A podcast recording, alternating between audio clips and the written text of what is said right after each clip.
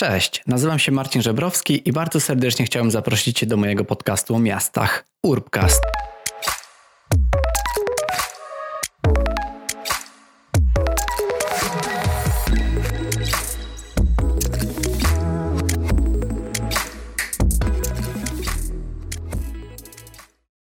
Cześć, witajcie w kolejnym odcinku mojego podcastu. Na początek chciałem Wam podziękować za dobry odbiór poprzedniego odcinka solowego, w którym opowiedziałem Wam o tym, jakie mam przemyślenia w związku z zawodem urbanisty i właśnie urban designera. Wiem też, że niektóre rzeczy, o których mówiłem, nie były do końca takie, jakie, jakie są w rzeczywistości, i też cieszę się, że niektórzy z Was zwrócili na to uwagę, komentując e, post z najnowszym odcinkiem. I tak jak chyba wspominałem, już nagram też taki odcinek wyjaśniający to, jak to wszystko tak naprawdę wygląda i biorący pod uwagę też głosy z zewnątrz. Ale póki co skupmy się już na dzisiejszym odcinku i na gościu specjalnym, którego zaprosiłem do, do najnowszego odcinka, a więc na urbaniście i filozofię w jednym, Pawle Jaworskim, który działa i propaguje urbanistykę eksperymentalną zmieniając miasta w całej Polsce tak naprawdę. Miałem ogromną przyjemność pracować z Pawłem przy projekcie Żywa Ulica i muszę przyznać, że bardzo dużo się przy nim nauczyłem i jest mi bardzo, bardzo miło, że zgodził się ze mną porozmawiać, a więc zapraszam Was do najnowszego odcinka, tym razem z Pawłem Jaworskim.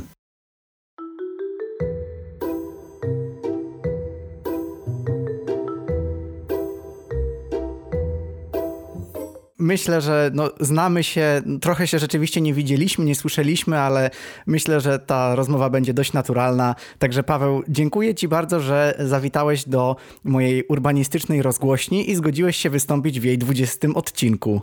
Mm, to ja dziękuję za zaproszenie. Pawle, przede wszystkim ja chciałbym trochę porozmawiać niestandardowo, ponieważ ja wiem, że ty działasz, działasz teraz na terenie po prostu całej Polski, nie tylko. I dzisiaj zrobiłeś rzecz bardzo jaką, bardzo jaką, bardzo ważną. I pytanie, czy wiesz, o jaką rzecz mi chodzi? Um, podejrzewam, że chodzi ci o Plac Orła Białego i o to, co się z nim stało, albo nie wiem, może coś innego jeszcze. Dobrze, dobrze zgadujesz. Chodzi mi właśnie o, o to, że pochwaliłeś się dzisiaj efektami swojego działania na Placu Orła Białego Aha. i chciałem ci pogratulować tego, że cały czas w Polsce tą przestrzeń zmieniasz i e, głównie dlatego tutaj jesteś, choć nie tylko. Nie, to ja, to ja bardzo dziękuję, ale faktycznie dzisiaj nastąpiło ważne wydarzenie, bo Placem Orła Białego i Starym Miastem w Szczecinie zajmuje się już ponad rok. Teraz chyba będzie mhm. półtorej roku mijało e, od rozpoczęcia mojej przygody z, e, ze stolicą Pomorza Zachodniego. Ale dziś został otwarty dla powszechnego użytku, dla ludzi, taki teren zieleni, który jeszcze rok temu był parkingiem. I mhm. E, ta, ta, zmiana, która no jest zmianą punktową tak naprawdę, jest ważnym symbolem, bo po pierwsze jest to wyłączenie z użytkowania parkingu na głównym placu, czy jednym z głównych placów staromiejskich Szczecina. Jest to parking, który zamieniał, zamienił się w park. E, te, te, te, ta zabawa słowna też, też jest tutaj ważna. E, no i myślę, że to jest też symbolicznie ważne nie tylko dla Szczecina, bo mm, to jest ucieleśnienie pewnych wyobrażeń o tym, w którą stronę powinna rozwijać się urbanistyka i, e, i idee urbanistyczne, tylko że to się dzieje naprawdę. To nie jest dyskusja, debata, e, tylko no, ten park, ten skwer zaistniał realnie w miejscu e, parkingu wyłączonego z użytkowania. Więc ja też jestem tym bardzo podekscytowany. Dzisiaj to zobaczyłem pierwszy raz już, już w rzeczywistości. No zobaczymy, jak to się potoczy, ale faktycznie jest tak, że mm, odbiło się to szerokim echem nie tylko w Szczecinie i w Polsce, ale, ale, ale szerzej. Ludzie to komentują, porównują do tego, co się teraz dzieje w Wiedniu, e, e, odbetonowywania przestrzeni publicznej w stolicy Austrii. No oczywiście trzeba zachować skalę. Wiedeń no tak. do Wiedenia, Szczecin to Szczecin. Tym niemniej wydaje mi się, że to jest ważne w tym momencie w Polsce, żeby takie rzeczy robić i żeby pokazywać, że to jest możliwe i że powinniśmy pomyśleć o tym zielonym wymiarze urbanistyki e, i powinniśmy go przede wszystkim e, wdrażać w życie tak? te, te, te idee, o których już dyskutujemy od dłuższego czasu, od kilku lat.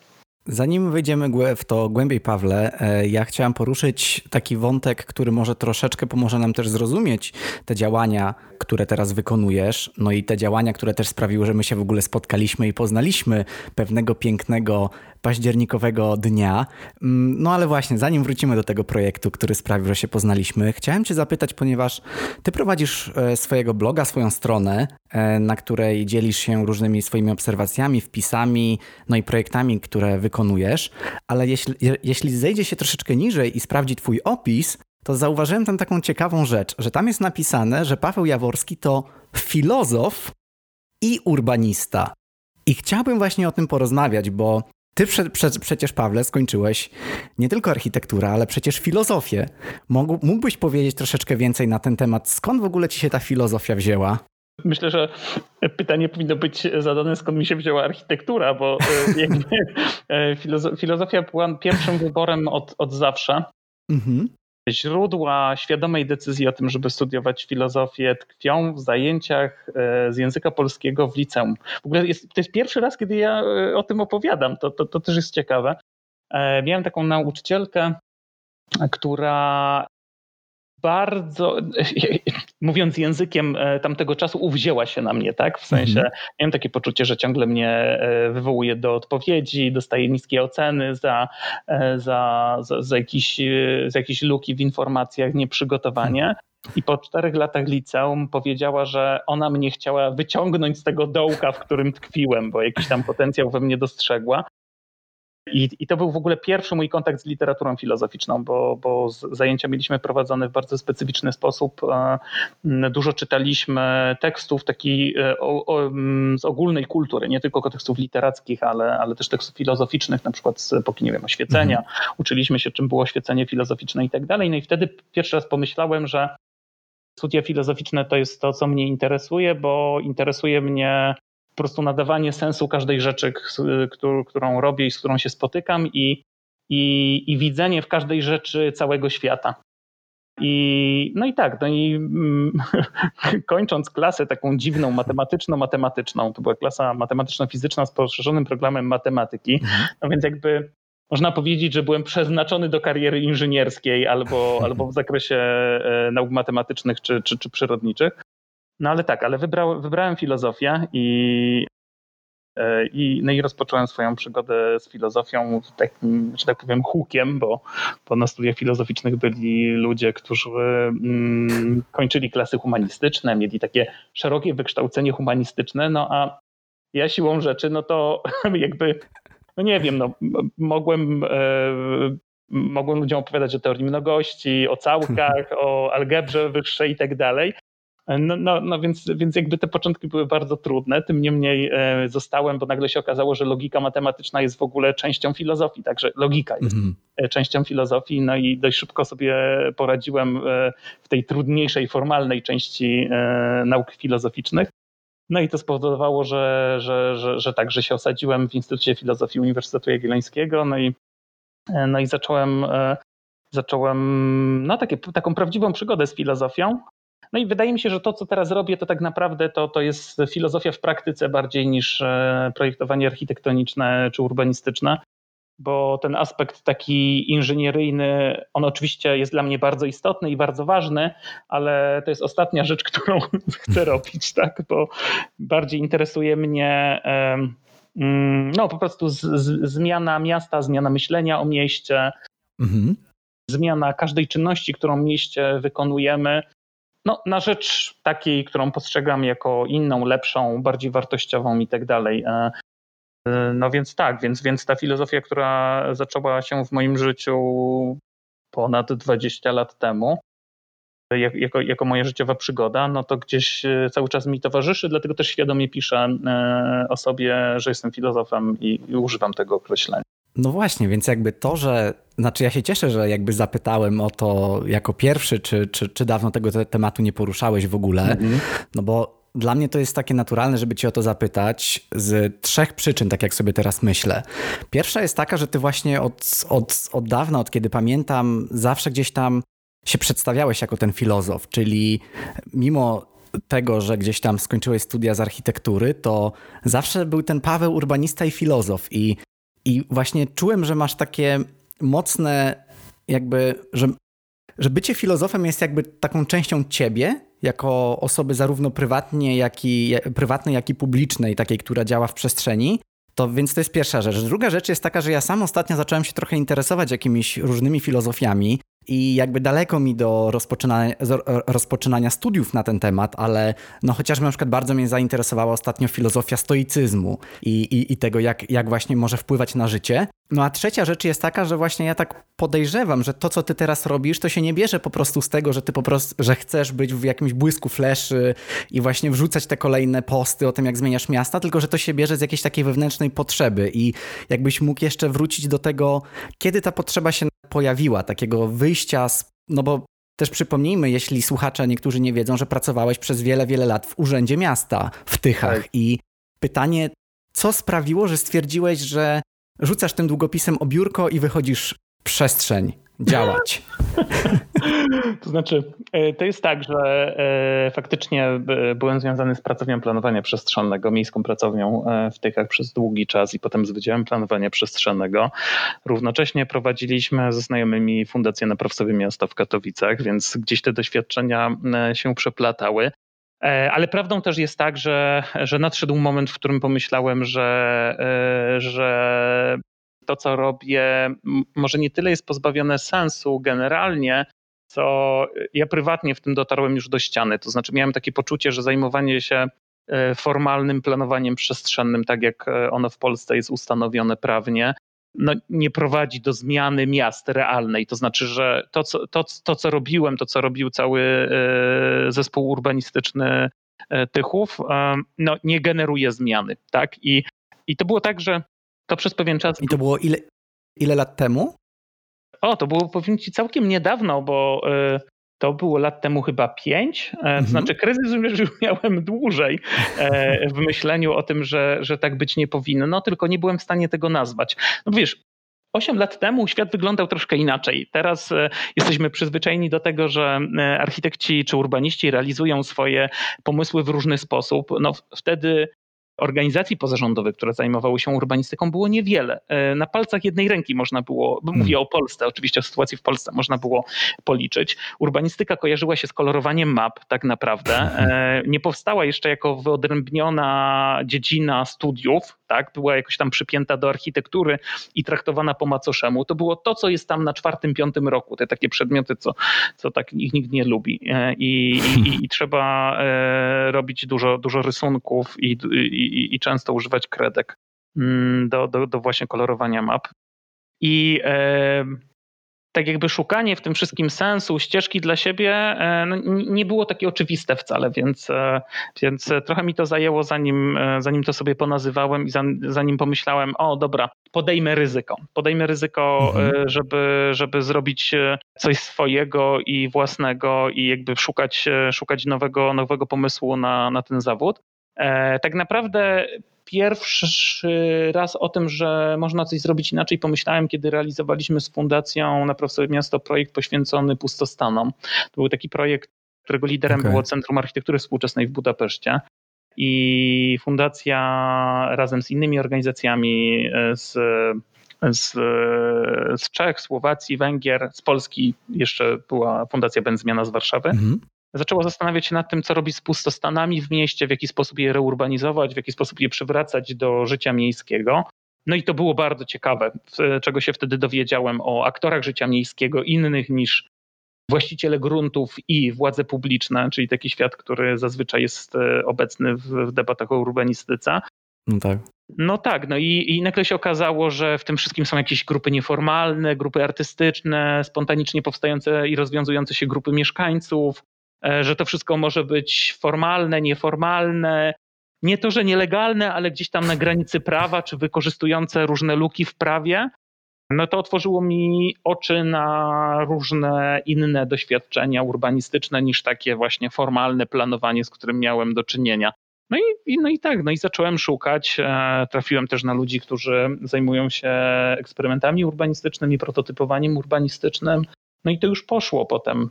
Nawiązały się znajomości, jakieś przyjaźnie takie zawodowe, merytoryczne, no, no, no i to spowodowało, że jestem teraz w tym miejscu, w którym jestem.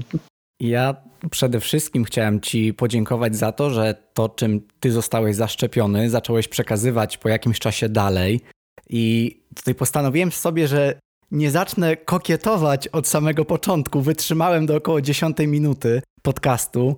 No właśnie, no bo nie ukrywam, część, część na pewno tego, co teraz robię, czym się zajmuję i to też, że zdecydowałem się wyjechać za granicę, no wzięła się z tego, że kiedy się poznaliśmy, zaczęliśmy razem realizować projekt Żywa Ulica, to troszeczkę zmieniła mi się świadomość i spojrzenie na to wszystko, bo miałem takie poczucie, że nas kształcą pod bycie po prostu urzędnikiem i stwierdziłem, że to jest na pewno nie dla mnie, to też nie pasuje w ogóle do mojego charakteru, do jakby do tego, kim jestem. Dlatego postanowiłem szukać gdzieś tam tej swojej ścieżki. No i mam wrażenie, że miałeś właśnie podobnie, że, że, że też zacząłeś wychodzić z tej, no nie chcę mówić strefy komfortu, ale właśnie może z takiej strefy dyskomfortu, bo tak jak mówisz, to nie było dla ciebie zbytnio przyjemne. Ta, ta praca w, w biurze, że tak powiem, w biurze projektowym. Nie, nie, to, to wiesz, to było tak, mhm. że mm, to, to było przyjemne i wartościowe w ogóle. Ja myślę sobie, że to było doświadczenie ważne, bo na przykład nauczyło mnie samorządu i często brak e, wiedzy w zakresie tego, jak działa samorząd, jak się rozwiązuje problemy publiczne, powoduje to, że e, projektanci czy projektantki, architektki, urbanistki e, są nieskuteczne. Tak? W sensie, mhm. że te osoby nie potrafią skutecznie działać w przestrzeni miejskiej, bo zjadają ich czyje konflikty, nie potrafią zarządzać zmianą w dłuższej perspektywie, e, nie potrafią odstępować od swoich ortodoksyjnych poglądów e, na różne sprawy. Mhm. A kontakt z formalnym planowaniem przestrzennym, z żywiołem samorządowym, z gminą w ogóle jako pewnym zjawiskiem społecznym był ważny, ale, no ale w pewnym momencie przestał być wystarczający. Tak? To znaczy pomyślałem sobie, że że trzeba pójść dalej trochę e, z tymi działaniami i, i poszukać czegoś innego. Chociaż e, mm, już samo to, że mówię o, o tym, że, że jestem urbanistą i że to, co robię, to jest eksperymentowanie urbanistyczne czy urbanistyka eksperymentalna, wskazuje na to, że jednak zawsze się upieram przy tym, że ja nie wyskakuję poza obręb urbanistyki, tylko staram się e, ją wzbogacać o coś, tak? Jakby mhm. poszerzać zakres urbanistyki bo dalej uważam, że te działania, które robię, to nie jest żaden happening czy, czy jakieś, jak, jakaś akcja, która ma po prostu sprawić, że ludzie się dobrze czują, tylko to jest profesjonalne działanie, które służy do tego, żeby y, usprawniać funkcjonowanie miast i czynić je lepszymi miejscami do życia. I to jest ważne. To znaczy, to jest dalej ten cel, który stawia przed sobą urbanistyka. Jeżeli chodzi o tą urbanistykę, no i też mówiliśmy o zawodzie urbanisty, ja mhm. chciałem od razu skorzystać z, z tej okazji, że rozmawiamy, bo e, w zeszłym tygodniu nagrałem taki odcinek, w którym tak zastanawiałem się, bo sam do końca nie, nie wiedziałem tak naprawdę, gdzie kończy się to projektowanie miejskie, bycie mhm. tym, no to co ja teraz wykonuję, bycie tym urban designerem, powiedzmy, no a gdzie zaczyna się bycie urbanistą? Czy jest jakaś granica w tym? I jakbyś mógł powiedzieć, czy, czy ty się czujesz właśnie jako urbanista, takim projektantem, który swoim ołówkiem czy swoją myszką czasem też jednak siada do tego komputera, żeby coś zaprojektować? Czy poszedłeś w ogóle w drugą stronę, niemalże taką socjologiczno-społeczną, gdzie ty przede wszystkim cenisz sobie ten kontakt z ludźmi na ulicy? To jest tak, że no, si siłą rzeczy e, urbanista musi wykonywać różne zadania. I ja myślę, że większość mojej pracy polega po prostu na zarządzaniu e, mhm. i za, zarządzaniu procesem e, przemiany miejskiej. I, I, wydaje mi się, że głównym zadaniem urbanistyki jest koordynacja i zarządzanie, tak naprawdę, e, bo um, urbaniści no, projektują zasadniczo architekci, tak? I to jest ich zadanie, żeby wykonywać dokumentację budowlaną, wykonawczą, pozyskiwać pozwolenia na budowę i, i, i bardzo często wykonują swoje zadania świetnie. E, I ja też im nie chcę odbierać pracy, e, bo, bo, bo nie taki jest mój cel w życiu. Mm, ale ktoś to wszystko musi skoordynować, żeby z tego powstało dobre miasto. To znaczy, ktoś, ktoś musi powiedzieć, e, mhm.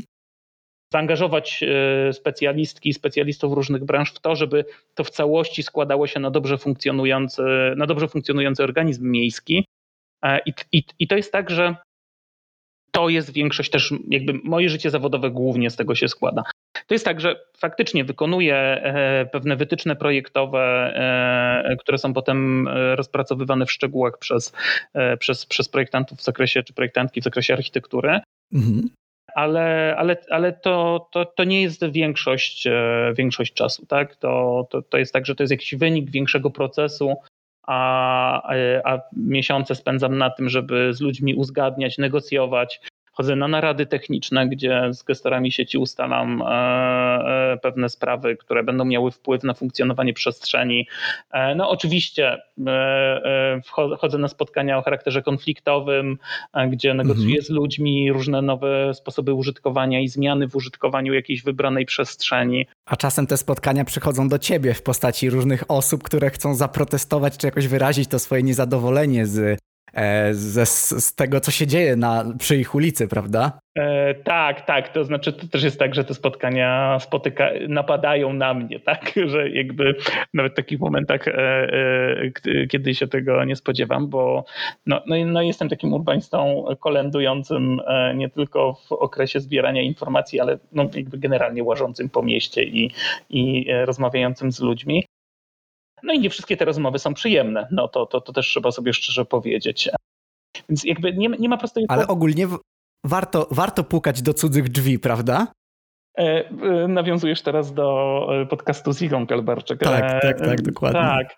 Znaczy, od tego się wszystko zaczyna, tak? To znaczy, mm, teraz trochę przeskakując na taki poziom, myślę, filozoficzny, jakby myślę, że, że, że źródło każdej zmiany urbanistycznej i w ogóle każdej zmiany społecznej tkwi w tym, że ludzie się ze sobą spotkają i porozmawiają. A więc jakby ten taki wiecowy, taki polityczne źródło e, źródło zmian jest dla mnie ważne. Tak? To znaczy, mam to uświadomione, że że, że każda przemiana urbanistyczna powinna się właśnie od tego rozpocząć, że porozmawiamy z ludźmi, że popatrzymy, jak się układają siły w tej społeczności, mhm. jakie ludzie mają preferencje, e, co sobie wyobrażają e, o przyszłości miejsca, w którym żyją, e, co wiedzą o swoich problemach wynikających z użytkowania jakiegoś obszaru czy terenu w mieście.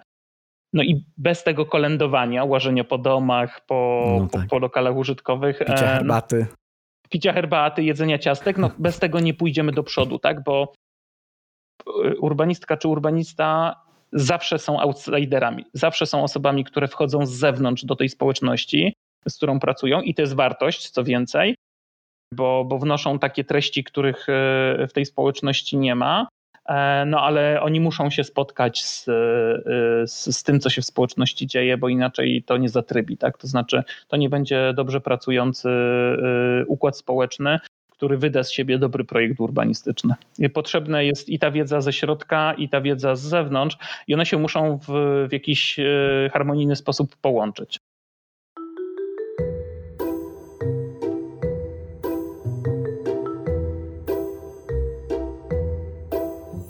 A czy to nie jest też tak, że poniekąd właśnie schodząc do takiego poziomu przysłowiowo, znaczy przysłowiowo w cudzysłowie ulicy, czyli wychodząc do tych ludzi, do mieszkańców, do użytkowników przestrzeni, rozmawiając z nimi, ty też troszeczkę nie uciekasz od jakby tego, co było wcześniej, czyli od takiego projektowania, że tak powiem, z góry, bo chodzi o to, że ja na przykład uwielbiam swoją pracę, uwielbiam to, co robię, natomiast mnie czasem trochę przeraża to, że ogólnie jakby pracując jako urbanista czy projektant urbanistyczny, to pracujesz w skali naprawdę wielu, wielu lat, a czasem dekad i Czasem to jest tak, że to, co ty teraz projektujesz, wydarzy się za na przykład lat 50, albo może nawet tego nie dożyjesz. A w momencie, gdy wchodzisz w taki projekt typu prototypowanie urbanistyczne, e, urbanistyka eksperymentalna, no to to jest coś, czego ty efekty w dużo mniejszej skali, ale widzisz jakby dużo, dużo szybciej, co właśnie też obrazuje ten dzisiejszy post, który wrzuciłeś. Już widać tą zmianę z tym trawnikiem. Znaczy, to jest tak, że e, kiedy projektujemy na surowym rdzeniu, a e, w Europie to doświadczenie już jest nam troszkę obce, tak? bo weszliśmy w e, fazę regresu bardziej demograficznego i urbanistycznego. No ale Azja jest w, w takiej fazie urbanistycznej, w jakiej była Europa 150 lat temu. Mm. Więc e, i to nie jest wartościujące, to jest, to jest opisowe stwierdzenie. E, więc e, no, jakby są też takie obszary doświadczenia urbanistycznego, gdzie no, po prostu musimy projektować w taki sposób, jak to robiliśmy dawno temu, czyli mamy teren, wprowadzamy pewne założenia, co do których no wierzymy, że są słuszne, opierając się na jakichś, nie wiem, przeszłych doświadczeniach, studiowaniu dobrych, złych praktyk i tak dalej. No ale wracając do, wracając do Europy i wracając do Polski, no to nasze miasta się nie rozwijają przestrzennie, tak? One oczywiście się rozlewają, mhm. E, co, co rodzi e, szereg różnych problemów, ale większość zadań, która mm, jest przed urbanistkami i urbanistami, to zarządzanie istniejącym zasobem. I to jest, e, i to jest absolutne nowum, że dla nas problemem jest to, co zrobić z placem, z ulicą, z dzielnicą, które już są ukształtowane, ale działają w jakimś tam sensie źle albo dysfunkcyjnie, kiedy każda z osób związanych z tym terenem chce czegoś innego, y, y, gdy ta społeczność jest podzielona na grupy, często ze sobą skonfliktowane.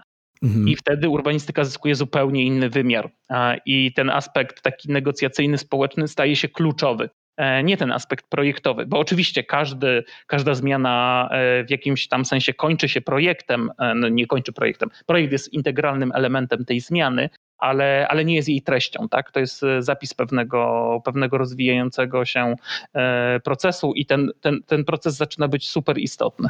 Wracając jeszcze do czegoś, co powiedziałeś wcześniej, bo powiedziałeś bo tak, z jednej strony zależy na, za, tak jak mówisz, zależy tobie i urbanistom, urbanistkom powinno zależeć na budowaniu tych relacji z różnymi grupami, ale powiedziałeś też wcześniej, że urbanista jakby przychodząc do jakiegoś projektu, realizując jakiś projekt, zawsze będzie outsiderem, zawsze będzie kimś z zewnątrz, mhm. nie zrośnięty z daną społecznością. Ale z drugiej strony, właśnie cały czas musimy walczyć o to zaufanie, żeby ludzie, którzy w danym miejscu mieszkają, zaufali nam na tyle jako ekspertowi, żeby byli w stanie z nami rozmawiać, przekazać te, te swoje potrzeby, a my w konsekwencji zrealizować swój projekt. I mhm. pytanie, jak zdobywać to zaufanie? Jakie są Twoje metody? Czy chodzi właśnie o zbudowanie jakby większego zaufania, czy chodzi tylko o nawiązanie relacji do tego stopnia, żeby pozwalały na taką rozmowę o problemach i potrzebach? Wiesz to jest różnie. Faktycznie jest tak, że kiedy ja pracuję z jakąś społecznością, z jakimś, w jakimś miejscu, to, mm, to zanurzam się w tę sytuację dość, dość intensywnie i z częścią osób potem przy, się przez lata. I um, ja nie chcę czynić z tego jakiejś reguły, bo, bo, bo myślę, że to też wynika trochę z mojego temperamentu, charakteru tego, jaką jestem osobą, ale dla mnie to jest bardzo ważne. To znaczy, wiesz, ja się wychowałem w małym miasteczku e, i, i, i to doświadczenie jest gdzieś tam głęboko we mnie, że po prostu znasz swoich sąsiadów, e, mówisz im dzień, dzień dobry, na część osób się złościsz, na, i obgadujesz te osoby, e, zrzucasz im worki z wodą na głowę w śmigusa, dyngusa albo bez, bez okazji że przedrzeźniasz dzieci z bloku naprzeciwko i tak dalej. I, i to jest tak, że te, te relacje gdzieś zawsze były dla mnie ważne, tak? To znaczy, nawiązywanie kontaktu z ludźmi było jak, jakąś taką rzeczą naturalną. E, nie wiem, chociażby o, to takie fajne doświadczenie też dzieciństwa, które gdzieś mocno określa to, jak pracuję. Ja się wychowałem na Górnym Śląsku, na takim osiedlu, gdzie większość ludzi pracowała na kopalniach lub zakładach przemysłowych w otoczeniu. No i w związku z tym e, dzieci były wychowywane tak kolektywnie, to znaczy była cała banda e, osiedlowa, no i my tak chodziliśmy od matki do matki, od mieszkania do mieszkania, każdy coś tam, nie wiem, jakieś cukierki nam dawał, y, coś w tym stylu, no więc, więc jakby takie kolektywne e, kolektywne, e, kolektywna rodzina rozszerzona mocno jest mi bliska. No ja to oczywiście przekładam potem na swoją pracę i na swoje wyobrażenie o mieście, że, że z ludźmi trzeba wchodzić w intensywne relacje społeczne, no bo, bo urbanistyka to nie jest inżynieria produkcji, tak? To znaczy my nie, my nie, my nie oliwimy, czy tam nie projektujemy maszyny, która będzie wykonywała jakieś czynności. Tak? Miasto to nie jest maszyna do mieszkania. I trochę tak przedrzeźniając Corbusiera. Corbusiera, tak. Mm, no, no, no, no, miasto to jest, to, to, jest przede wszystkim ta społeczność, która zawsze jest jakaś, tak? Ma, ma swoje problemy, ma swoje niesnaski, ma swoje konflikty i ma przede wszystkim miejsce, w które, które użytkuje i użytkuje je tak, a nie inaczej. A, I my nie możemy po prostu tego przetasować. My nie możemy przyjść i powiedzieć, przesunie się e, jezioro, blok, park e, i, e, i wszystko się ułoży na nowo. Nie ma czegoś takiego jak rozpoczynanie od nowa. Tak? To jest pewien mit kulturowy, który, który oczywiście w naszej kulturze obecnej jest od zawsze, a, a, a mocno został wyeksponowany na przełomie XVIII-XIX wieku. No, rozpoczynanie od nowa nie istnieje. Tak? Zawsze jest tak, że to, to miejsce, którym się zajmujemy, już jest jakieś. Mówię cały czas o sytuacji europejskiej czy polskiej. I, e, I w związku z tym, że nigdy nie zaczynamy od nowa, no to musimy wiedzieć, w którym punkcie jesteśmy teraz. I tego nie dowiemy się tylko i wyłącznie przez, przez obserwację taką techniczną, e, zliczanie, e, ujęcie ilościowe e, tego, co się dzieje. Nie wiem, czy się nauczyłem tego od ciebie. Jest bardzo duże prawdopodobieństwo, że tak, ale dla mnie, jak projektuję, też ten kontekst jakby zastały, to co, to co jest w danym miejscu, no jest dla mnie tak naprawdę najważniejsze. Potrzebuję takiego odniesienia do tego, co tam jest i nie mówię tutaj tylko o tkance miasta, ale właśnie o tych, um, o ludziach, o społeczności, którzy mhm. w danym miejscu są. I ja miałem tą przyjemność, że mieliśmy, mieliśmy tą przyjemność, albo może ja powiem, ja miałem tę przyjemność, żeby mhm. móc od ciebie się uczyć i z tobą pracować. I ja mogę tylko potwierdzić, bo pamiętam, jak e, właśnie nieraz organizowaliśmy jakieś warsztaty, czy już budowaliśmy tą małą architekturę, którą potem wystawiliśmy w przestrzeni miejskiej, w przestrzeni ulicy. To ty i tak byłeś w stanie zapytać, a czy ten mały czarek spod piątki to był i wam pomagał, czy nie? Znaczy, że jednocześnie koordynując ten projekt na tak dużym, na tak jakby wysokim ogólnym poziomie, musiałeś cały czas być na bieżąco z innymi miastami, co tam się dzieje, to ty wciąż byłeś w stanie zapamiętać tych, tych, tych poszczególnych ludzi, te poszczególne różne też dzieci, które nam pomagały. I pytanie, jak to wszystko ze sobą powiązać? Przecież to trzeba mieć chyba jakieś naprawdę niespotykane moce, żeby ten projekt spiąć na takim poziomie bardzo, bardzo ogólnym, takim holistycznym, ale także, żeby wejść w te najdrobniejsze detale. Jak to zrobić? A to wiesz, ja tego nie wiem, bo ja nie jestem w stanie e, wyjść ze swojej skóry i siebie obserwować, ale jedyne co mogę powiedzieć to to, że mnie to fascynuje, tak? W sensie, że ja, ja bardzo wielu rzeczy nie umiem e, i, i, znam swoje, swoje ograniczenia, ale, ale jest tak, że jak przychodzę w jakieś miejsce, to od razu widzę jakieś linki między ludźmi i między ludźmi a miejscem, w którym się znajdują, terenem, przestrzenią e, miejską czy publiczną. I i kiedyś tak um, um, przygotowując jedną z prezentacji, y, zastanawiałem się, co, y, co jest tak naprawdę treścią tej pracy, którą wykonuję. I, I, wydaje mi się, że to, to jest właśnie szukanie tych linków między ludźmi i układaniem ich w trochę nowy sposób, tak? Nie, nie, nie burząc y, tych wszystkich połączeń, tylko jakby dodatkowo je zszywając. I, i, I sobie pomyślałem, że jasne, można powiedzieć, że to wszystko nie istnieje, tak jakby to próbować sobie w głowie wymazać i ustawiać na nowo, ale mnie to jest obce całkowicie. To znaczy, myślę sobie, że, e, że prawdziwą sztuką to jest połączyć tych ludzi, których mamy e, i te, miejsce, te miejsca, które mamy, e, w jedną sprawnie działającą całość, albo no jakby całość działającą jakoś, odrobinę lepiej niż e, zanim przyszliśmy do tego miejsca i zaczęliśmy, zaczęliśmy swoje, swoje wysiłki w to wszystko wdrażać. No, no tylko trzeba dużo czasu poświęcić na to, żeby, żeby to wszystko studiować w detalu, gadać z każdym człowiekiem i tak dalej. Mm, więc jakby nie wiem skąd to się we mnie bierze, no ale faktycznie jest tak, że, że, że, że mnie to pasjonuje i, i poświęcam na to dużo czasu. I myślę sobie, że że tak, nawet tak przyglądając się, na, co, co wypełnia mój harmonogram, to, to, to, zawodowy, to większość to są spotkania, rozmowy, nawet takie totalnie przypadkowe, że, że, że idę gdzieś, spotkam jak, jakąś osobę, ona mi coś tam naświetli, sprzeda jakąś plotkę. E, ja potem próbuję potwierdzić tę plotkę z inną osobą, ona mi sprzedaje kolejne plotki. No i z tych plot, plotek rodzą się e, potem pomysły projektowe, pomysły procesowe. Mm, no i nie wiem, czy powinno być tak generalnie i czy każdy ma tak robić, ale, ale myślę, że to jest jakaś wartość, tak? że, e, że w ten sposób też da się projektować i planować e, zmiany w przestrzeni. No i tyle, nie? Znaczy, ja Cię właśnie zapytałem tak w kontekście tej samej umiejętności sklejenia tego wszystkiego do kupy, bo, bo tak jak mówisz, e, właśnie, że trzeba łączyć tych ludzi z przestrzenią, ludzi między sobą. I, I czuję, że no, trzeba być powiedzmy takim klejem, czy po prostu składać te klocki Lego razem ale też ja, no ja, ja mam taką teorię, że to się jakby ciężko odtworzyć, co ty jako urbanista robisz i, i, i implementować to w innych miejscach czy w innych projektach przez inne osoby, bo no myślę, że to się bierze bardzo z wartości, jakimi się kierujesz i tego po prostu się zduplikować nie da. O to nie wiem, to, to, to, to musiałby, tak jak mówię, ktoś, ktoś kto ma no nie wiem, kompetencje jakieś psychologiczne, to, to, to, to e, rozłożyć na czynniki pierwsze, Ale, no ale tak, no jakby to jest proces twórczy, więc są pewne rzeczy, które są w jakimś tam sensie uniwersalne i można mówić o pokrewieństwie e, metod czy narzędzi pracy urbanistów, którzy wdrażają eksperymentalnie pewne zmiany e, w miastach e, na całym świecie. No ale też jest tak, że każda z tych osób to robi na swój własny sposób i, i jest coś takiego, co jest niezastępowalne, co nadaje jakiś taki indywidualny rys tym projektom to jest kontakt z ludźmi, więc zarówno ludzie, którzy są na miejscu, coś wnoszą do tego procesu, jak i osoba czy zespół, który tym wszystkim kieruje i jakby na początku przynajmniej definiuje warunki brzegowe takiego, takiego działania.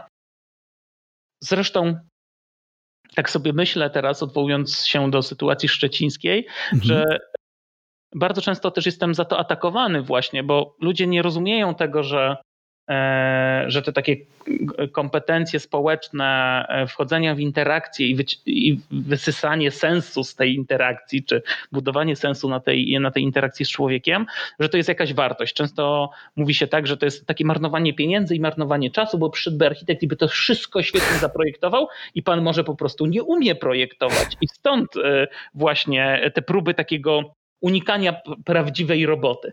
No oczywiście jakby moi rodzice są inżynierami, więc, więc ja już jestem przyzwyczajony do prowadzenia e, takich e, dyskusji, dyskusji tego typu i nie wzrusza mnie to.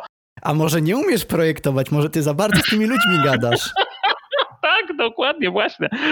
No, no nie, no nie, jakby yy, nie, nie, nie, nie, nie ma w tym jakiejś buty, ale, ale myślę, że coś tam w życiu zrobiłem, nie? Jakieś tam wartościowe, wartościowe projekty, przynajmniej na, na lokalną skalę, więc yy, no niech te projekty mówią same za siebie i niech one się bronią. Yy, dla mnie zawsze najbardziej wartościowe jest to, że, że spotykam ludzi, którzy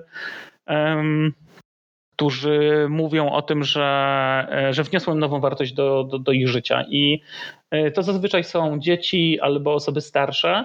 I to są takie historie wzruszające, które mocno mi się wbijają w pamięć, e, potem nimi żyję.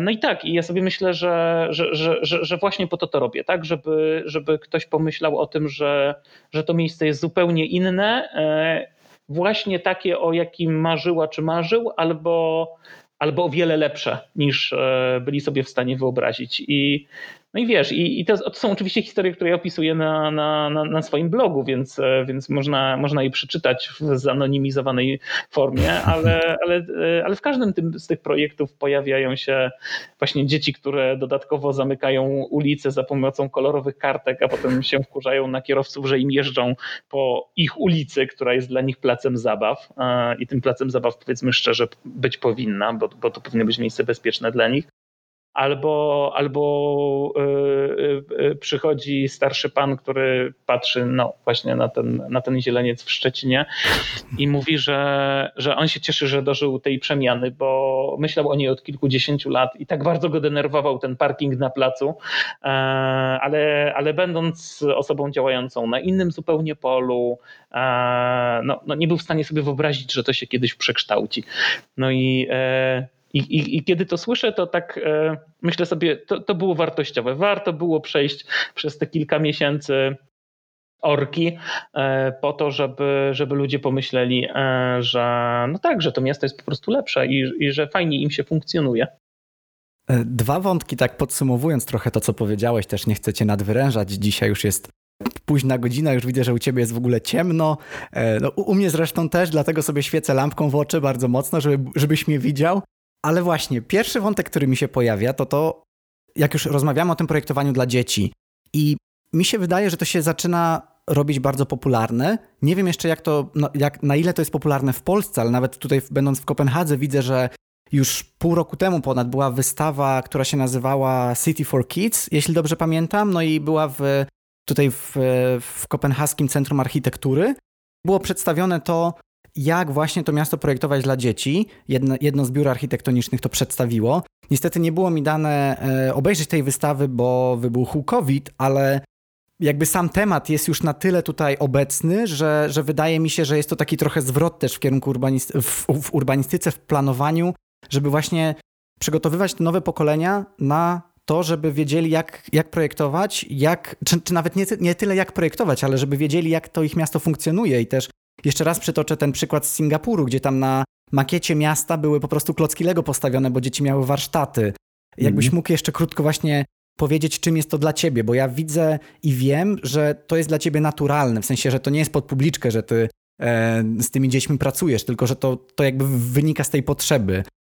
Mhm, to znaczy, e, tutaj właśnie chciałem zrobić taką małą gwiazdkę, że ja, ja nie wiem, czy ja do końca bym się zidentyfikował z takim ruchem e, projektowania miast dla dzieci, bo dla mnie dzieci są małymi dorosłymi, tak? To znaczy, nie, jakby nie, nie mam jakichś takich romantycznych skojarzeń z dzieciństwem i z dziećmi, tylko staram się e, traktować dzieci bardzo poważnie. To znaczy, tak jak rozmawiam z władzami samorządowymi, z radnymi, z burmistrzami, prezydentami, rozmawiam z osobami, które prowadzą działalność gospodarczą, czy mieszkają w jakimś miejscu i są dorosłymi, najczęściej niestety kierowcami czy kierowczyniami. Tak, e, tak też dyskutuję z dziećmi, bo uważam, że to jest bardzo ważna e, grupa i, ja też nie infantylizuję e, tej, tej relacji z nimi. To znaczy, to nie jest tak, że że ja chcę projektować przestrzenie, które będą tylko dla dzieci, czy tam, nie wiem, dostosowywać przestrzeń do potrzeb dzieci, takich jak sobie wyobrażają je dorośli, tylko chcę, mieć, chcę wchodzić z nimi w interakcję i dyskutować o tym, jak ukształtować miasta.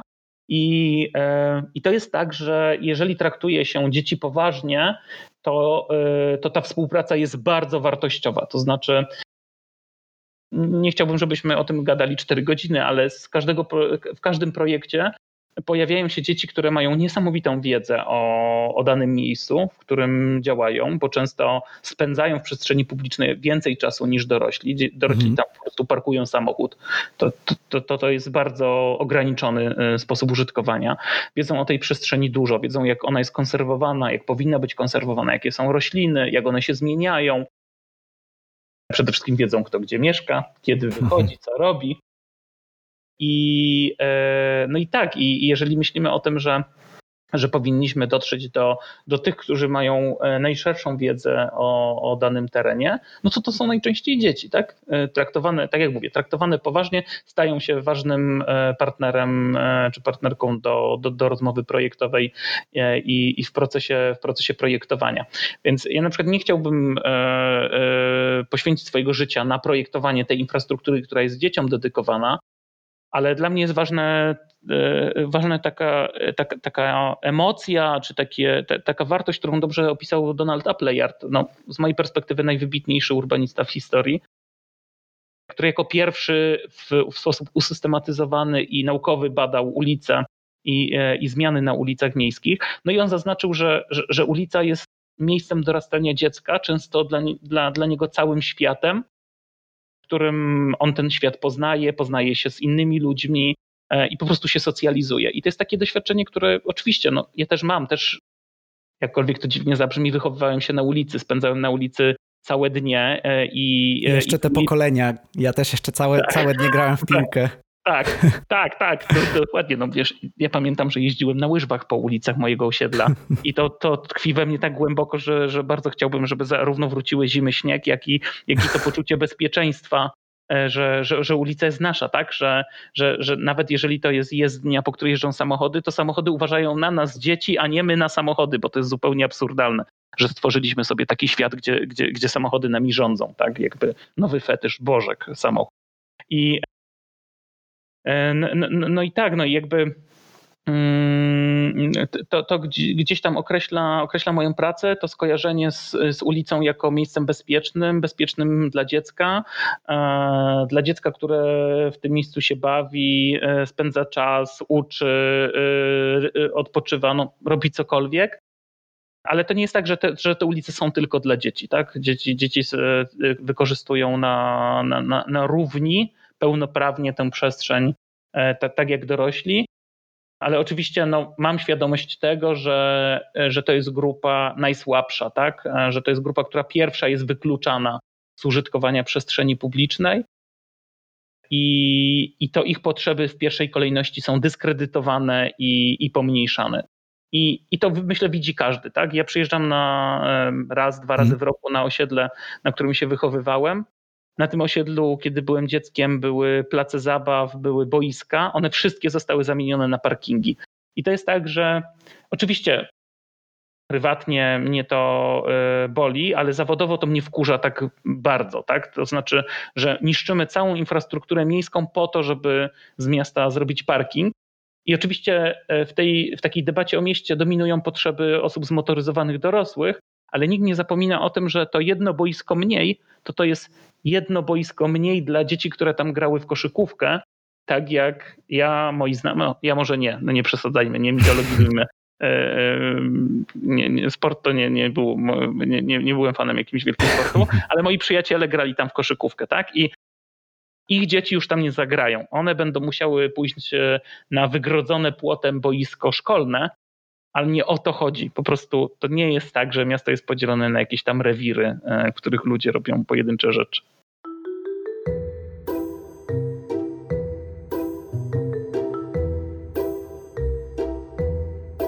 I tutaj chciałem się do tego odnieść, chciałem do tego przejść. Cieszę się, że jakby zacząłeś ten temat. Mm, to jest temat bardzo skomplikowany, bardzo szeroki, więc nie wchodźmy w niego totalnie, bo utkniemy w tej rozmowie na kolejne 7 godzin.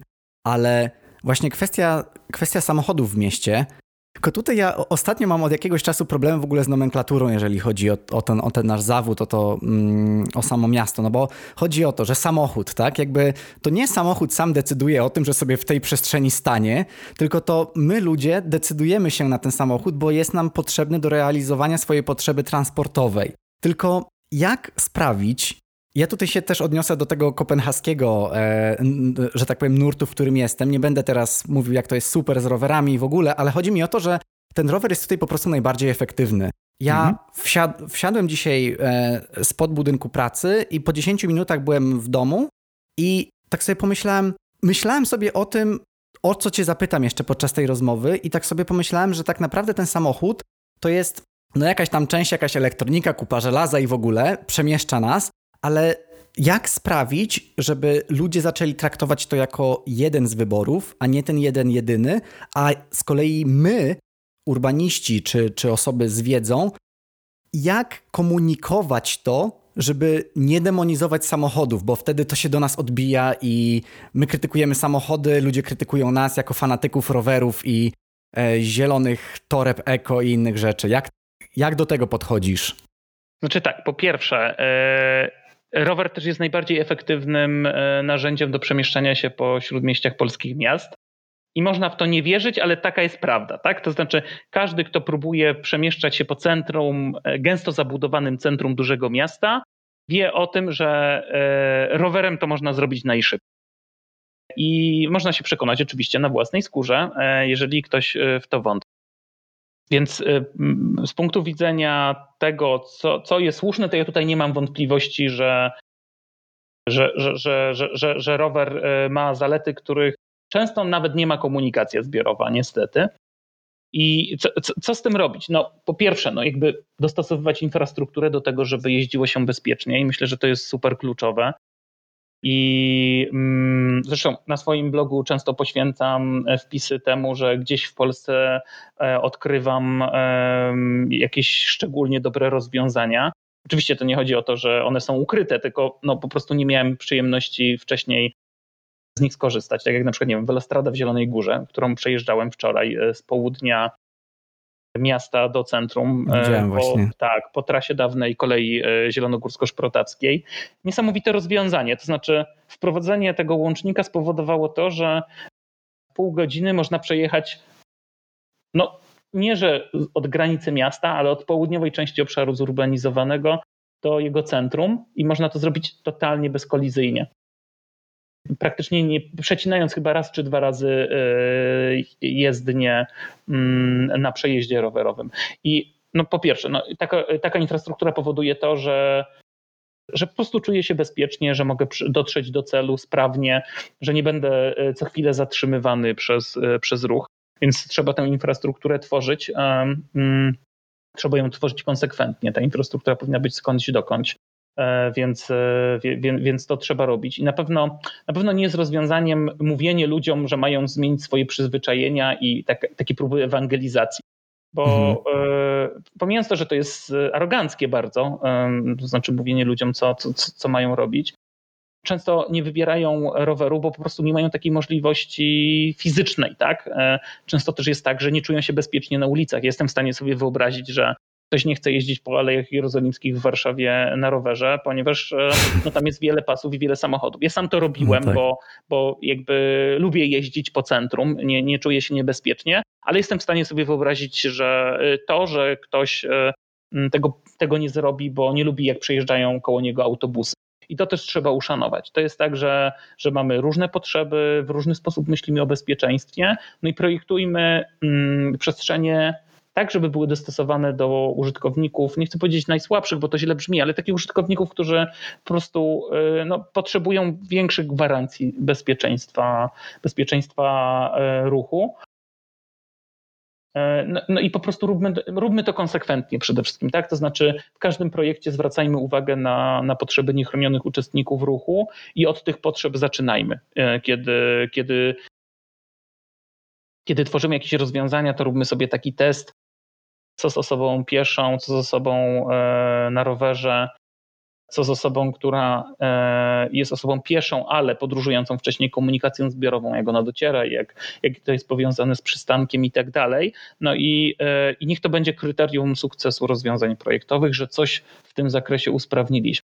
I oczywiście ruch samochodowy w mieście jest ważny, to jest jeden z ważnych aspektów projektowania urbanistycznego planowania przestrzennego, ale nie najważniejsze. Więc jakby to nie jest tak, że ja czy inni urbaniści i urbanistki jesteśmy wrogami motoryzacji, tylko że teraz sprawa jest postawiona na głowie, że jedyne o czym się dyskutuje to samochody, miejsca parkingowe, dostępność, przepustowość dróg i tak dalej.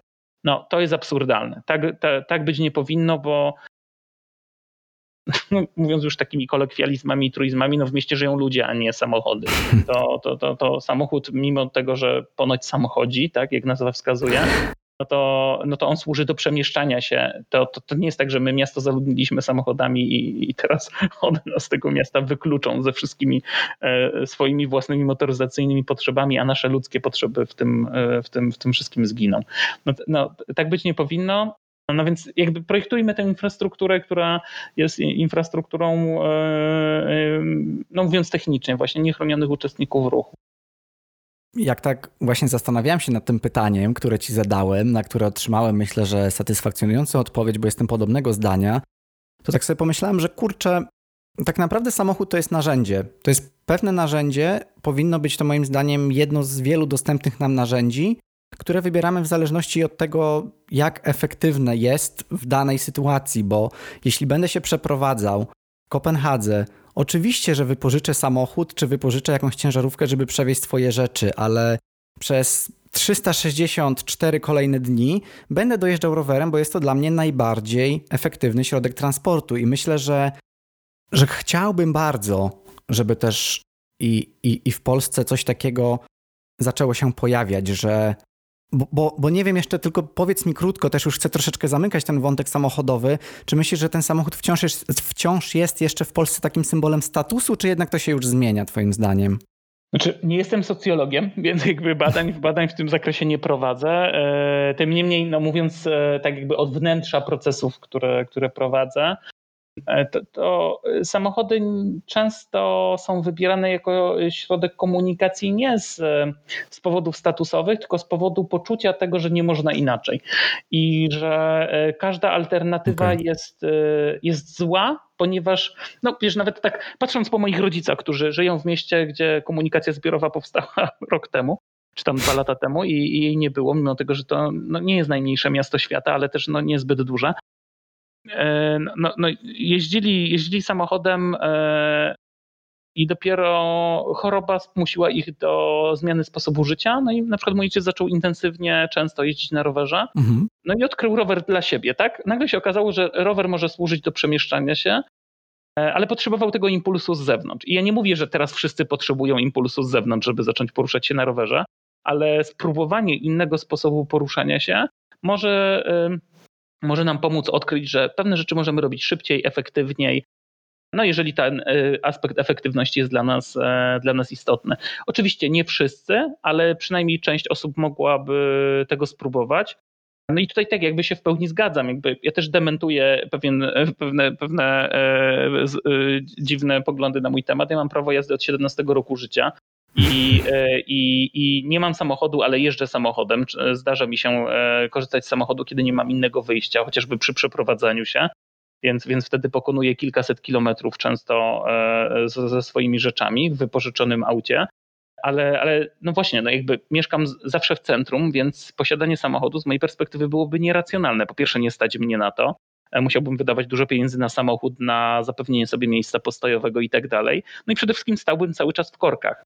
Tylko ja nie chcę teraz tupać nogami, że wszyscy mają się ugiąć i dostosować do moich potrzeb i po prostu rozwiązać problem korków, bo ja żądam pustych dróg. Tylko no, e, no jakby szukam najlepszego rozwiązania na teraz, tak? Jakby dostosowuję się do tej sytuacji, która jest więc skoro ulice są zakorkowane, to po co ja mam się tam pchać kolejnym samochodem? E, to nawet w perspektywie takiej ekonomiki czasu byłoby nieracjonalne. Lepiej śmignąć rowerem 7 e, minut i jestem na miejscu. Oczywiście zabezpieczając się przed warunkami pogodowymi i tak dalej, ale, mm, no, ale no, no tak, no, jakby racjonalność wyboru e, jednostkowego wymaga tego, żeby wziąć pod uwagę różne opcje, bez demonizowania żadnej z nich i mitologizowania żadnej z nich. Tym bardziej, że nie ma złych warunków pogodowych. Trzeba się po prostu tylko odpowiednio przygotować, jak to mówią Skandynawowie. I tak. u mnie w biurze, jak jest ulewny dzień, parking rowerowy jest tak samo zapełniony. Różni się sytuacja tylko tym, że wszędzie w szeregu wiszą kurtki przeciwdeszczowe, z których skapuje woda. I tak. zakończmy tak. ten wątek tym właśnie,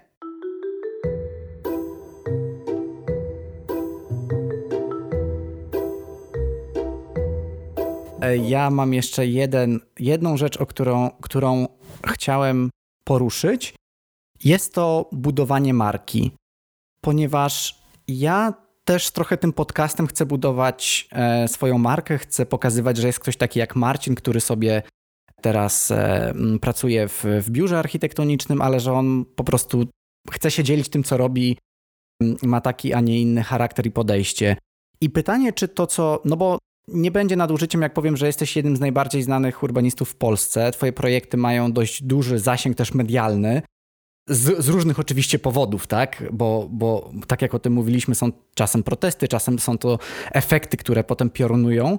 Ale czy to, co ty teraz robisz, czy, czy to, że prowadzisz bloga, czy to, że właśnie um, przemieszczasz się do kolejnych miast, gdzie, gdzie te projekty realizujesz, czy to jest tak by takie pójście za falą, takie feel the flow i po prostu bycie na takiej fali wznoszącej, że te projekty, które robisz, w jakiś sposób jednak działają? Czy jest to coś takiego bardziej świadomego, co budujesz już od wielu lat? To mnie bardzo interesuje. Hmm.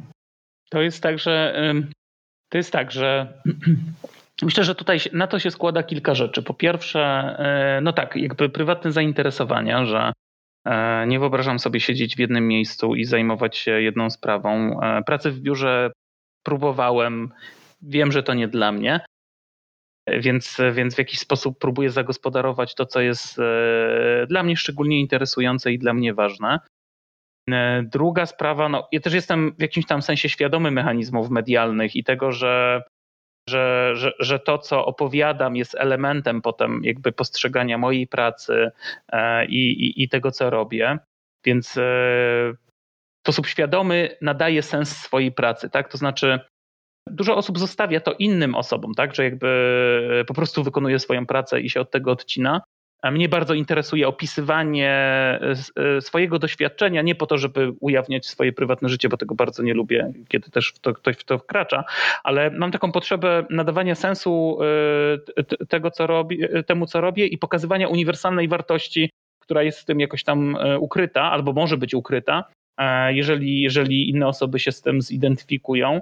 Więc więc robię to też e, po to, żeby pewne idee promować, opowiadać pewien, e, pewną nową narrację, narrację miejską i, i opowiadać o tym, że urbanistyka miasta mogą być inne, bo też, też zależy mi na tym, żeby inspirować innych ludzi, tak? Bo no nie wiem, pamiętam ten moment, kiedy byłem na studiach i, i tak trochę po omacku szukałem tego, w co się mogę zaangażować, co mogę zrobić, jak mogę zdefiniować swój zawód i, e, i miałem takie poczucie beznadziei, że po prostu do biura, do kieratu i, i tyle. I tych opcji nie było dużo. No i teraz jakby też, też to po prostu pokazuje, tak, że jeżeli ktoś jest młodym człowiekiem, a niestety młodzi ludzie na studiach są młodsi ode mnie o 20 lat, czyli no może niestety, że, że, że, że to już jest jednak inne pokolenie, tak, więc, e, więc chcę, chcę, chcę też ludziom pokazać, że słuchajcie, to nie jest tak, że ja robię najlepsze rzeczy na świecie, bo to jest nieprawda. Ale możecie też zrobić coś takiego, że, że jeżeli na przykład, nie wiem, e, relacje społeczne są dla Was ważną podstawą e, życia projektowego, no to spróbujcie tak. Albo, no nie wiem, zapraszam Was do projektu jakiegoś, e, zobaczycie jak to wygląda, przyjrzycie się, może coś zrobicie, może się jakoś zaangażujecie. E, no i może to jakoś wpłynie na wasze wybory zawodowe. No, e, to, to, to, to też jest tak, że ja tego nie mogę ustawić, ale to, co mogę zrobić, to to, żeby ludziom pokazać i, i właśnie zainspirować ich do swojego działania. E, no inna rzecz jest taka, że, że, że, że bycie projektantem to też jest też jest tak, że pracuje się wizerunkiem projektanta. Tak? E, zawsze tak było i, i chyba mm. tak, to, tak to musi być. Nie wiem, czy musi, ale jest to wpisane jakoś, jakoś w ten zawód, że e, żeby pewne idee rozpowszechniać, no to one muszą mieć twarz, tak? One muszą być powiązane z konkretnym człowiekiem. E, ten, ten człowiek musi fizycznie gdzieś być, tak? Tak jak, nie wiem, ja za dwa dni na festiwalu Miasto Mówi we Wrocławiu, kiedy, kiedy będę z ludźmi rozmawiał o, o nowych ideach urbanistycznych, że, że to jest jakiś element, e, element życia we współczesnym świecie, tak? Że jeżeli chce się opowiadać jakieś rzeczy, no to trzeba to realnie robić, trzeba to robić w jakiś tam sposób usystematyzowany, sensowny, w sposób, który ma swoją wyrazistą tożsamość. I to, I to nie chodzi nawet o takie aspekty marketingowe, bo, to, bo to, to w ogóle często ludzie to spłaszczają, że to jest jakieś tam narzędzie pracy marketingowej. W jakimś sensie e, pewnie też tak, ale, mhm. ale e, każda idea, żeby ona była dla ludzi zrozumiała, ona, ona musi być, e, ona musi mieć swoją tożsamość, tak? Ona musi mieć nawet swoją estetykę, tak? To mm. znaczy e, to, jak mówimy, e, to, to, to, jak przedstawiamy, jakich słów używamy, to, że ja w pewnym momencie w bardzo świadomy sposób uprościłem swój język, tak? Miałem tą manierę komunikowania się skomplikowanymi terminami i sobie wprowadziłem wewnętrzny zakaz używania terminów technicznych i nawet kiedy... Przez co wystraszyłeś Igę. tak, jak, tak. tak jak mówiła, że kiedy socjolożka dołączyła do zespołu i usłyszała o esowaniu jezdni, to jej się zrobiło słabo. Tak, tak, ale, ale to esowaniem jezdni to w ogóle fajnie działa, bo jak się ludzie pytają o co chodzi, to ja mówię, że to jest esowanie tak jak wąż się wije, nie? I to już jest zupełnie inaczej e, e, odbierane. Mm, no tak, ale zacząłem też w, w opracowaniach e, e technicznych e, używać e, prostego języka i ludzie mnie z tym prostym językiem kojarzą i tak chcę, żeby było, tak? To znaczy bardzo mi zależy na tym, żeby, żeby ludzie myśleli, że, e, że jeżeli zadadzą mi pytanie, to uzyskają e, może rozwlekłą, ale, ale, ale jednak odpowiedź, która e, nosi znamiona czegoś zrozumiałego, w sensie komunikatu w języku polskim.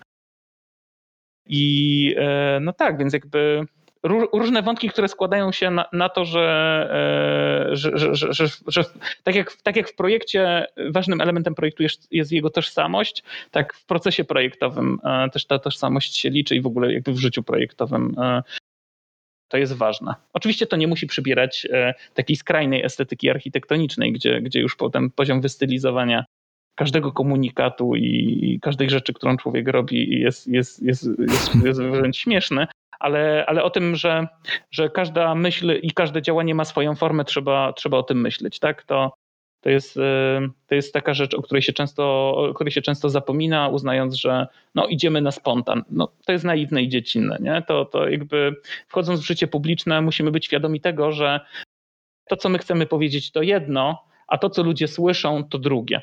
I e, jeżeli mamy być skuteczni, jeżeli mamy przekazywać treści, na których nam zależy, to przede wszystkim powinniśmy patrzeć na siebie oczami innych ludzi e, i, i, tak, e, i tak naszą pracę kształtować, żeby ludzie byli w stanie ją odcyfrować, odczytać, uczynić dla siebie jakąś wartością i elementem swojego własnego doświadczenia.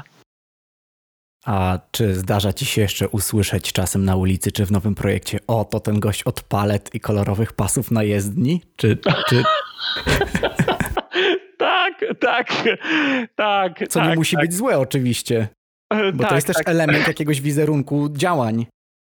Tak, tak. Nawet, e, e, nawet e, dzisiaj jeden pan na Facebooku, którego chyba musiałem spotkać trzy lata temu w Krakowie, zaczął pisać, że wszędzie, gdzie się pojawię, to lobby doniczkowe przejmuje władzę nad miastem. Oczywiście to jest pan, którym, który pewnie ma pretensje o to, że znikają miejsca postojowe, tylko formułuje to w języku cudzych potrzeb, tak, że co na to rośliny rosnące w donicach, że miejsca postojowe znikają.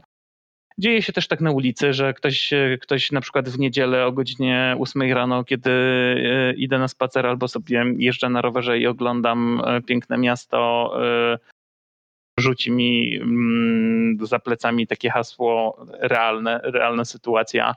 I co? Nie ma miejsc postojowych, nie?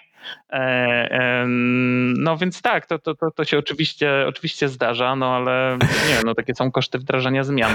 Ja tego nie bagatelizuję, bo za każdym takim hasłem e, kryją się konkretne problemy e, i konkretne emocje, więc nie chcę mówić, że to jest, że to jest złe, bo to jest nieprawda.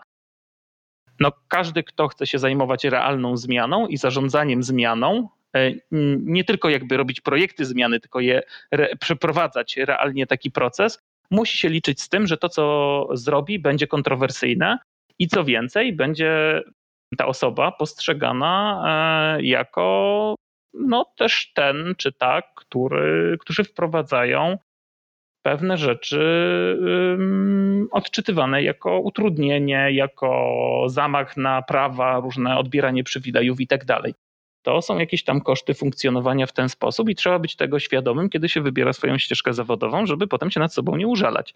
Bo e, no, koszt psychologiczny takiej pracy jest duży. Trzeba mieć jakieś mechanizmy obronne i też mechanizmy odreagowywania tego. E, no ale myślę, że warto, nie? W sensie mhm. E, zmiana się sama nie zrobi, tak? No tak. Ktoś zmianę musi przeprowadzić, ktoś musi za nią wziąć odpowiedzialność wreszcie zarówno taką prawną, moralną, merytoryczną, no, na różnych poziomach rozgrywaną. I, e, i, I, każdego, kto jest tego ciekawy, zachęcam do tego, żeby e, no, najpierw się tego uczyć, a, a potem, no, jakby, że tak powiem, wejść w żywioł, w środek w, e, takiego procesu.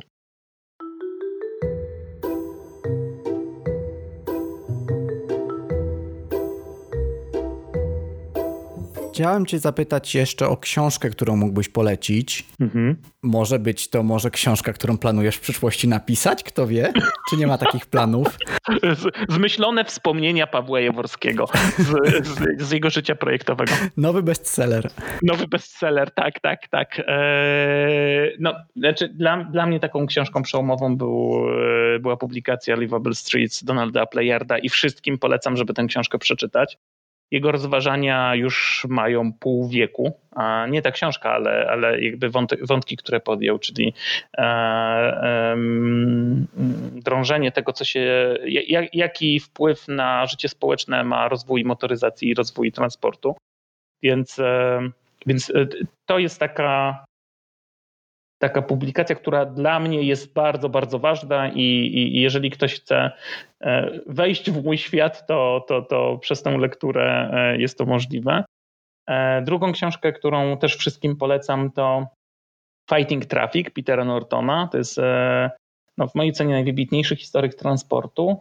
Człowiek, który prześledził rozwój ruchów antymotoryzacyjnych w Stanach Zjednoczonych. Zrobił to pięknie, czytelnie, zrozumiale. Książka jest dostępna w, w formie e-booka w sprzedaży ciągłej, więc, więc można, można do niej łatwo dotrzeć. I to jest, to jest książka, która, jeżeli się bardzo dokładnie czyta, e, pokazuje jedną rzecz, która no, myślę, że jest super istotna dla tego, co ja robię, czy robią e, inne urbanistki, inni urbaniści, że żadna rzecz w mieście nie jest na stałe. To znaczy, e, całkiem niedawno mieliśmy miasto bez samochodów, bez regulacji e, e, promującej samochody, bez przywilejów dla kierowców. I to nie jest tak, że te wszystkie przywileje, preferencje to są jak prawa człowieka, że to jest wpisane w DNA społeczne i że każdą rzecz można zmienić. I ta książka właśnie tego uczy, że mm, jakby z jednej strony Peter, on też jest takim no, dość znanym aktywistą amerykańskim. To znaczy, z jednej strony jest profesorem historii transportu, takim bardzo poważnym naukowcem, ale z drugiej strony jest zaangażowany w, jedną, z większych, jedno z większych stowarzyszeń, które działa na, na rzecz transportu zrównoważonego. No więc jakby on napisał e, tę publikację e, między innymi po to, żeby pokazać, że wszystkie rzeczy, które my teraz uznajemy za oczywiste, wcale oczywiste nie są, powstały w rozwoju historycznym, więc w rozwoju historycznym mogą zaniknąć. I że jeżeli się pokaże, że żadna z tych rzeczy nie jest e, na stałe wpisana w życie społeczne, to możemy zrobić wszystko, dużo po to, żeby to zmienić.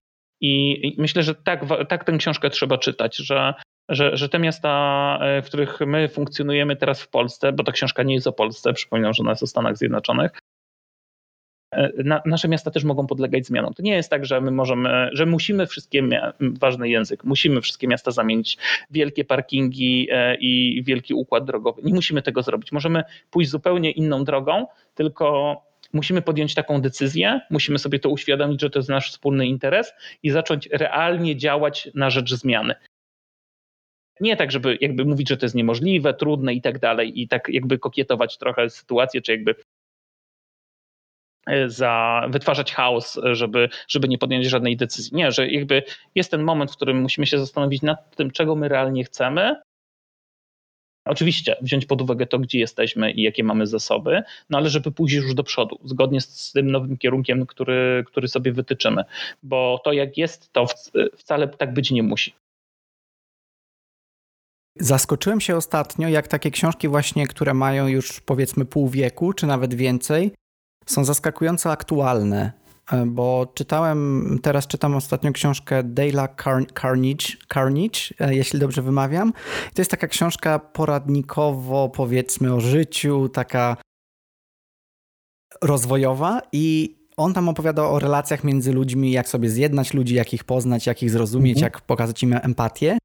I to mi zaskakująco pokazało, jak tak naprawdę to była jeszcze era przed komputerami, a ludzie tak samo się stresowali, mieli tak, tak. takie same problemy i, i wydaje mi się, że takie książki właśnie mają szczególną wartość, bo pokazują, że już wtedy to wszystko wyglądało tak samo i być może właśnie warto sięgnąć po odpowiedzi, które, czy jakieś obserwacje, które wtedy po, po prostu powstały. Tak. No tak, tak, tak. Oczywiście to jest tak, że mm, wiadomo, że Część e, literatury się starzeje, tak? że, że jakby w przeszłych, e, w przeszłych myślach nie jesteśmy w stanie e, odnaleźć siebie, ale, mm, ale są takie rzeczy, które no, są wielkie przez to, że za, zawierają no, uniwersalne wartości. Tak? Książka, o której ty mówisz, no, to Livable Streets jest o tyle ważne, że doświadczenie korzystania z ulicy miejskiej jest, jest doświadczeniem może nie uniwersalnym dla całego świata, ale dla cywilizacji europejskiej na pewno. Tak? Ulica, ulica była zawsze obecna w miastach, więc to, co pisze Donald Appleyard, e, analizując znowuż miasta amerykańskie, no my możemy to dobrze zrozumieć, bo każdy z nas korzystał z ulicy, korzysta z ulic i, I, co więcej, to jest nasze naturalne środowisko. Więc to, że książka jest napisana 50 lat temu, 150 lat temu, nie ma żadnego znaczenia. To znaczy, jeżeli odetniemy się od tej warstwy, która jest związana z czasem, czasami przebrniemy przez jakiś trudny język, na przykład e, posługujący się archaizmami, to dojdziemy do tego, że są w tym, w, w, w tym myśleniu zawarte pewne uniwersalne treści, które są dla nas nawet dzisiaj ważne, bo, bo to, że, że, że ulica jest e, miejscem socjalizowania się dzieci i że mm, często dla nich jest najważniejszym e, miejscem, w którym, w którym one dorastają, no to to, że napiszemy to 50 lat temu, a napiszemy dziś, no ma tę samą wartość, tak? To jakby czujemy, że, że, że, e, że te zagadnienia, z którymi się mierzył Donald Playard, są dokładnie te same zagadnienia, z którymi my się próbujemy zmierzyć teraz. E, i, e, i oswajanie świata na zewnątrz mieszkania, no to to jest zadanie urbanistyczne, które było przed urbanistami czy urbanistkami 50 e, lat temu, 100 lat temu i jest teraz. I to się prawdopodobnie nie zmieni, póki będą trwały te miasta, które znamy. Pawle, bardzo chętnie bym ten wątek jeszcze pociągnął i tak jak już rozmawialiśmy Gadalibyśmy kolejne 7 godzin, ale póki co zapytam o to, gdzie można znaleźć Ciebie, Twoje działania w internecie? Tak, to um, właściwie trzy kanały trzech kanałów korzystam. Po pierwsze e, i najczęściej z Facebooka. Experimental Urbanizm Paweł Jaworski to jest, to jest profil, na którym pojawiają się różne zdjęcia, refleksje, też prototypy tekstów większych. Kiedy tekst już dojrzeje i zostanie przedyskutowany, trafia na, na, na mojego bloga, na, na stronę e, experimentalurbanism.com. I, i tam, tam one z różną regularnością badają. To są takie rzeczy, które już uznaję za, za, za, komunikaty, które mogą być wartościowe dla szerszego grona ludzi niż tylko znajomi followersi Facebookowi. No, część rzeczy oczywiście umieszczam na Instagramie, ale, ale, ale Instagram, z Instagramu korzystam naj, najrzadziej, bo y, y, to jest y, jednak medium, które po pierwsze no, dla mnie jest trudne, bo posługuje się sferą wizualności, która no, dla mnie nie jest najważniejsza, ale też ma pewne ograniczenia e, związane z ilością tekstu, e, który, który tam można umieścić, żeby, żeby ludzie go sobie przyswoili. A każda osoba, która czytała cokolwiek, co napisałem, napisałem, wie, że bardzo lubię pisać, więc jakby zasadniczo e, teksty tasiemce to jest, to jest coś, co, Oj, tak. co, co, co, co, coś, co, się, co się ujawnia ujawnia w mediach społecznościowych, no ale te, też myślę sobie, że, że, że, że kontakt z tekstem to jest ważne doświadczenie kulturowe i z tego powodu, że jakieś, że zmieniły się preferencje, czy zmieniają się pokoleniowo, nie należy z tego rezygnować, że, że tekst to jest podstawowa forma komunikacji. Była, jest i myślę, że będzie. I, I tekstu się niczym nie da zastąpić. To znaczy to, że jest jakieś zdjęcie, które pokazuje ważną sytuację, to, to, to, zdjęcie tylko jest punktem odniesienia do tekstu i, e, i ja też zasadniczo tekstem pracuję, tak? I że tekst to jest moje tekst pisany. To jest, to jest podstawowy, podstawowy kanał komunikacji, więc, więc e, czy nasz Ale ty, czas, ty czasem przesadzasz z tymi z długością. No ale, ale to, to wiesz, to, to jest tak, że, e, że, że pewne rzeczy trzeba też długo opowiadać. To nie jest tak, że Jasne, y, y, pisać należy prosto zawsze, to, to, to, to bez dwóch zdań, ale, ale kiedy, kiedy teksty są dłuższe, to, to, to, nie jest to wynik przypadku albo zaniedbania. To, to jest tak, że, że, że chcę pewne rzeczy przekazać ludziom, którzy chcą więcej czasu poświęcić na, na, na różne dociekania. Mam świadomość tego, że teksty trafiają do różnych ludzi. Tak? To, to, to jest też tak, że że jeżeli chcę napisać o, o pewnej rzeczy, która e, nawet nie dotyczy zawodu urbanistycznego, ale ale może być ważna dla ludzi, którzy po prostu żyją w mieście i w jakiś tam świadomy sposób do niego podchodzą, to posługuje się tekstem krótszym, ale jeżeli chcę coś opowiedzieć bardzo dokładnie ze szczegółami, nie wiem, poruszyć e, to, co mnie fascynuje w sumie w tym momencie najbardziej, czyli działania urbanistów w Niemczech w latach 70. i 80. związane z obszarowym uspokojeniem ruchu, no to te teksty są dłuższe i też trochę bardziej skomplikowane. Nadal napisane prostym językiem, ale, ale jednak zawierają dużo szczegółów. E, związanych z życiem projektowym, z rozwiązaniami projektowymi itd. Tak Pawle, ja te twoje e, social media i, i, i, także twoją stronę podlinkuję zarówno e, tak jak i książki, które poleciłeś, za co ci bardzo dziękuję. Cieszę się, że ja celowo chciałem ominąć temat pandemii, bo ja wiem, że też ostatnio na ten temat wypowiedziałeś się na łamach Gazety Wyborczej, więc ten artykuł mhm. też podlinkuję. Chciałem troszeczkę z innej strony do ciebie podejść. Dawno nie rozmawialiśmy, było mi bardzo, bardzo miło. Czasem czuję, że troszeczkę urywałem wątki, ale to na potrzeby tego, żeby rozmowa właśnie trwała około godziny, a nie siedem. Dlatego zarówno ty, jak i słuchacze e, wiedzcie, że ja chętnie bym z Pawłem jeszcze rozmawiał i rozmawiał, ale też chciałbym, żeby w tej przystępnej formie ta rozmowa i to, co ma Paweł wam do przekazania trafiła. Także Pawle, Jestem Ci bardzo, bardzo wdzięczny za tą rozmowę. Dziękuję bardzo e, i dziękuję ponownie za, za zaproszenie do tego odcinka.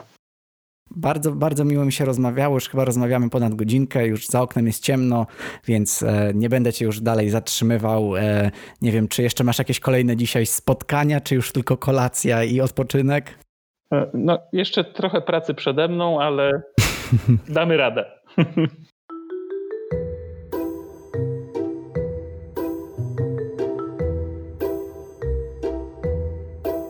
No a przede mną troszeczkę pracy z edycją tego odcinka, bo trochę tego materiału się nazbierało, a ja raczej nie wycinam rzeczy, chcę, żeby to było wszystko naturalne i, i, i myślę, że ta rozmowa właśnie taka była przyjemna, naturalna i też mam nadzieję z nutką czegoś, czego słuchacze będą się mogli dowiedzieć i być może wdrożyć w swoje życie również.